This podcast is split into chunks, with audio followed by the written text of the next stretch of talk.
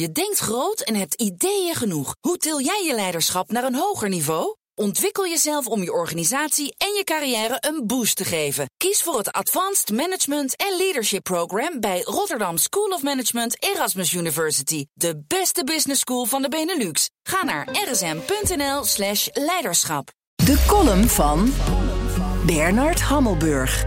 In analyses over Oekraïne, de toekomst van de NAVO, de verhoudingen met Xi Jinping en Vladimir Poetin komt onherroepelijk de toevoeging: ja, maar wat als Trump terugkomt?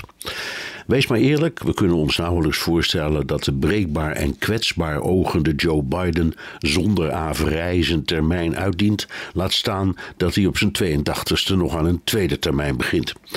De strategie van de Democraten is dat Biden de enige is die Trump opnieuw kan verslaan, en dus is hij de enige serieuze kandidaat voor de verkiezingen van november volgend jaar.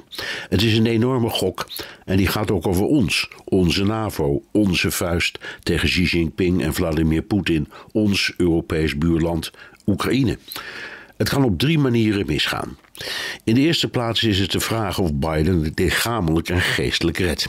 Je voelt hoe iedereen met geknepen billen zit te kijken als hij met half dichtgeknepen ogen en een dun stemmetje achter een microfoon staat.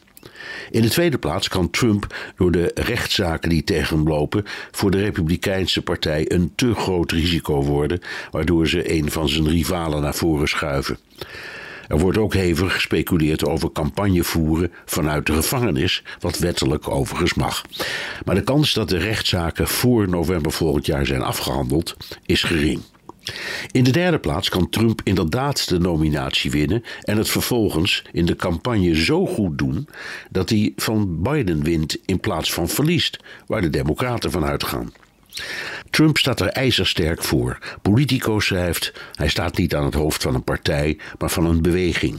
In een peiling van de New York Times en Siena College werd aan Republikeinse kiezers de vraag gesteld op welke kandidaat ze zouden stemmen als er nu voor verkiezingen waren. De uitslag: 54% gaat voor Trump, 17% voor DeSantis en de rest komt niet boven de 2 of 3%.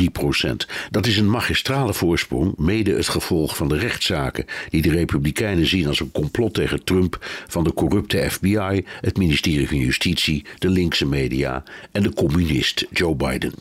Natuurlijk, dit zijn peilingen onder Republikeinen en niet het hele electoraat. Maar de kans dat Trump terugkomt is aanzienlijk. Het lijkt wel of de NAVO-leden dat beseffen, maar niet aan de slag gaan om de maatregelen te nemen die nodig zijn als Trump de alliantie de rug toekeert. Het zou immers niet de eerste keer zijn.